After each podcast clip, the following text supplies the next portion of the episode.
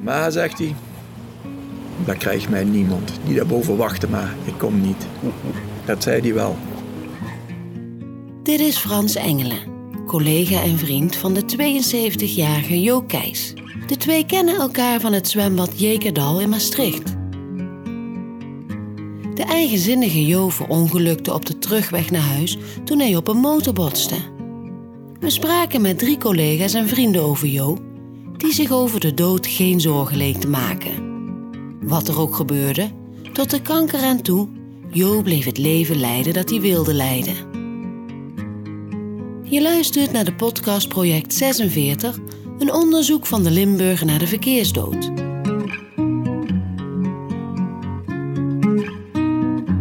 In deze aflevering Jo Keijs uit Maastricht.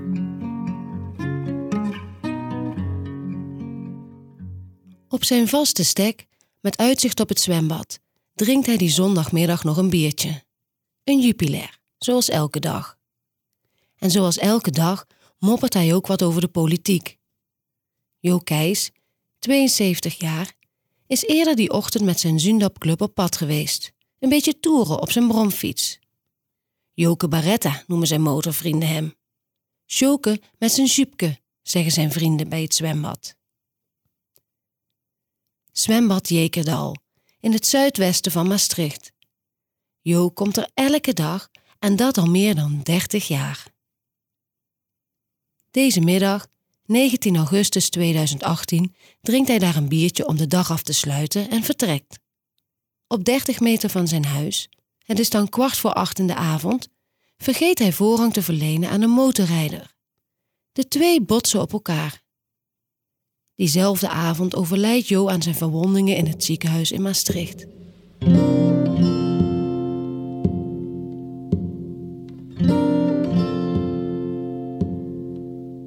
Op het raam van de kantine hangt een foto van Jo. Net boven de witte plastic stoel. Zijn stoel. Want niemand anders mag er nog gaan zitten. En als het toch gebeurt, stuurt Marlies Ruiters de onverlaat weg. En af en toe zet ze er een flesje Jupiler neer. Ze zijn dan wel geen familie. Het gat dat Jo achterlaat bij de vrijwilligers van het zwembad is groot. Ook bij Marlies. Ik heb Joke heel goed gekend, uiteraard. Ik mag wel zeggen dat Joke toch een beste vriend van me was. Dat was hij, hun vriend. Een onmisbare kracht bij de groenvoorziening van het zwembad, vertellen ook Frans Engelen en Kees de Rooij. Hij was de directeur van het groen. Zijn werk wordt nu gedaan door vijf mensen. Vanuit de kantine horen ze die fatale dag de sirenes loeien. Dat moet een heftig ongeluk zijn, denken ze nog. Dezelfde avond belt een agent, een vaste bezoeker van het zwembad, naar Marlies. Het is Jo, zegt hij. En hij heeft een ongeluk gehad. Frans had hem die ochtend nog gezien, herinnert hij zich. Druk zwaaiend met zijn armen en benen, zoals Jo dat kon doen. Ik zie hem straks, dacht hij nog. Niet dus. Frans heeft hem nooit meer gezien.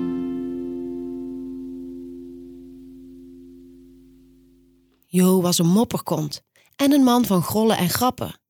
Maar hij was meer dan dat, vertelt Frans. Jo was een Charmeur, oude klute, oude rocker, groot hart, lief, ondeugend, vrouwenpunder. Jo was het allemaal. Op een herdenkingsbriefje schreven de vrienden van hem. Geef gaas, hij boven. Pff, ga even nog dingen. Het gaat die groot, jong. Ja, ik krijg goed een kippenvel. Ja. Die woorden raken Frans iedere keer.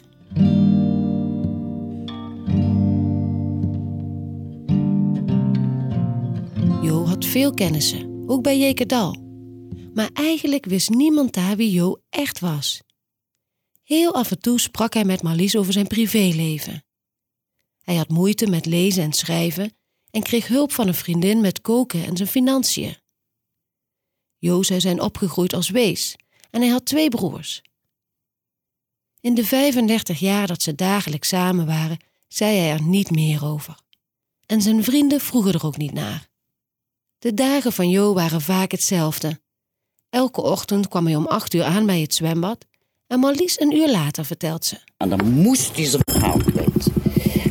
uh, dan zei hij, hij zei dan altijd, ik heet Marlies, maar dan zei hij, Marlies, we drinken even een tasje koffie. Oké, en dan gingen we samen zitten en dan begon hij eerst te mopperen over de regering en tot er weer AOW werd afgesnoept en dergelijke.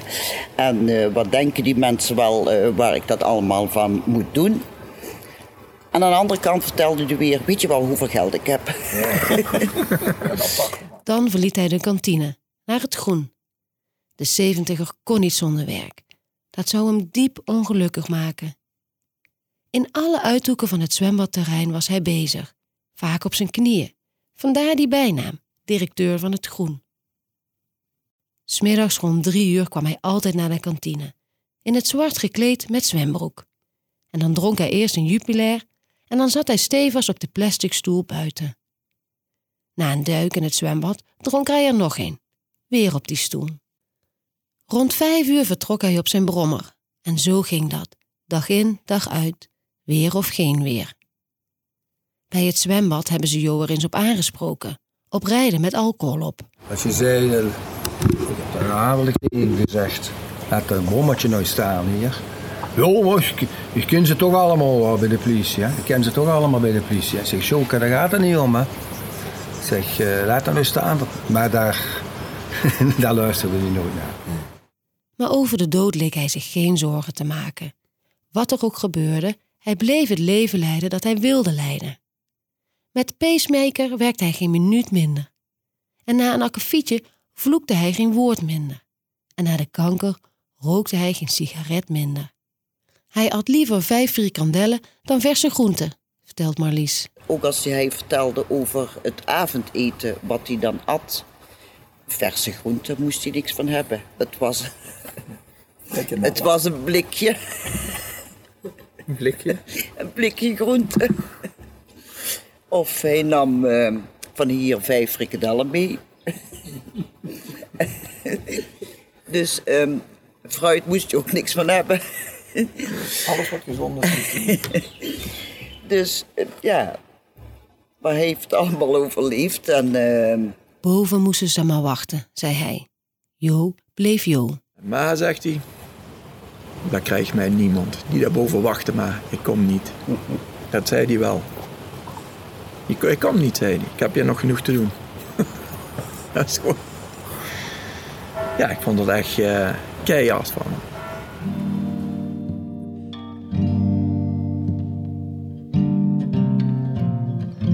Omdat ze officieel geen familie zijn, hebben zijn vrienden nooit te horen gekregen wat er nou precies is gebeurd.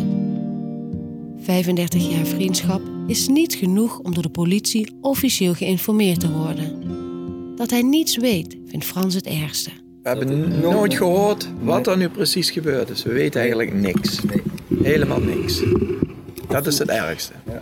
Kees heeft via via wel wat gehoord over het ongeluk. Jo die altijd de eerste ingang naar de flat pakte, deed het voor één keer anders. Hij reed door naar de tweede ingang. En daar botste hij met de motor. Kees denkt dat Jo had gedronken.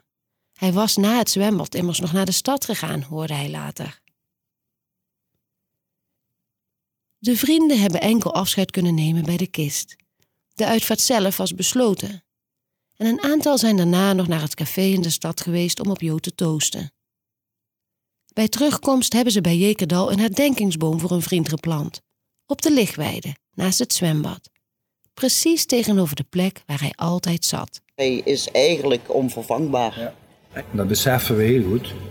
Maar we doen wel ons best met een groep mensen om het toch netjes te laten uitzien. Een boom ter ere van de bewezen diensten was wel het minste dat ze voor een grote, kleine vriend en duizendpoot konden doen.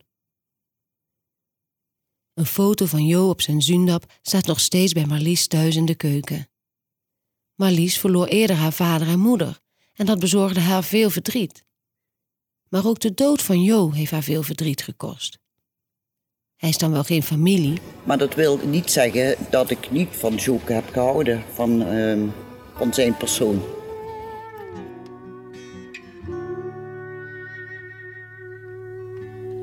She left you alone for days. What on earth were you gonna do? hoorde een aflevering van de podcast Project 46, een zoektocht naar de impact van de verkeersdood, gemaakt door de Limburger. De muziek die je hoort is van Pablo en Luca van der Poel.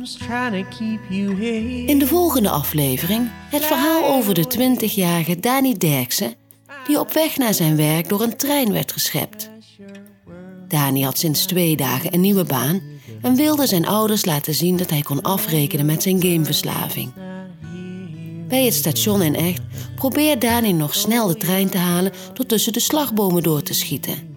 Maar de Intercity ziet hij niet aankomen. Maar zijn achterkant van zijn hoofd was weg. Hij heeft alle botten in zijn lichaam gebroken gehad. Ik durfde hem niet vast te pakken. We hebben zijn pet gegeven wat hij altijd op had, zijn monsterpet. Ja. En die hield eigenlijk zijn hoofd bij elkaar. Ik ben toen ook niet aan hem gegaan, bang dat dat uit elkaar zou gaan. Ik heb hem alleen eens zachtjes over zijn wang geaaid. Wil je niets missen? Abonneer je dan op deze podcast. En als je ons project waardeert, mag je natuurlijk altijd een review achterlaten. Dat helpt anderen deze podcast ook te vinden. En wil je alvast vooruit luisteren? Alle afleveringen vind je gratis op delimburger.nl slash project 46. Three days here on earth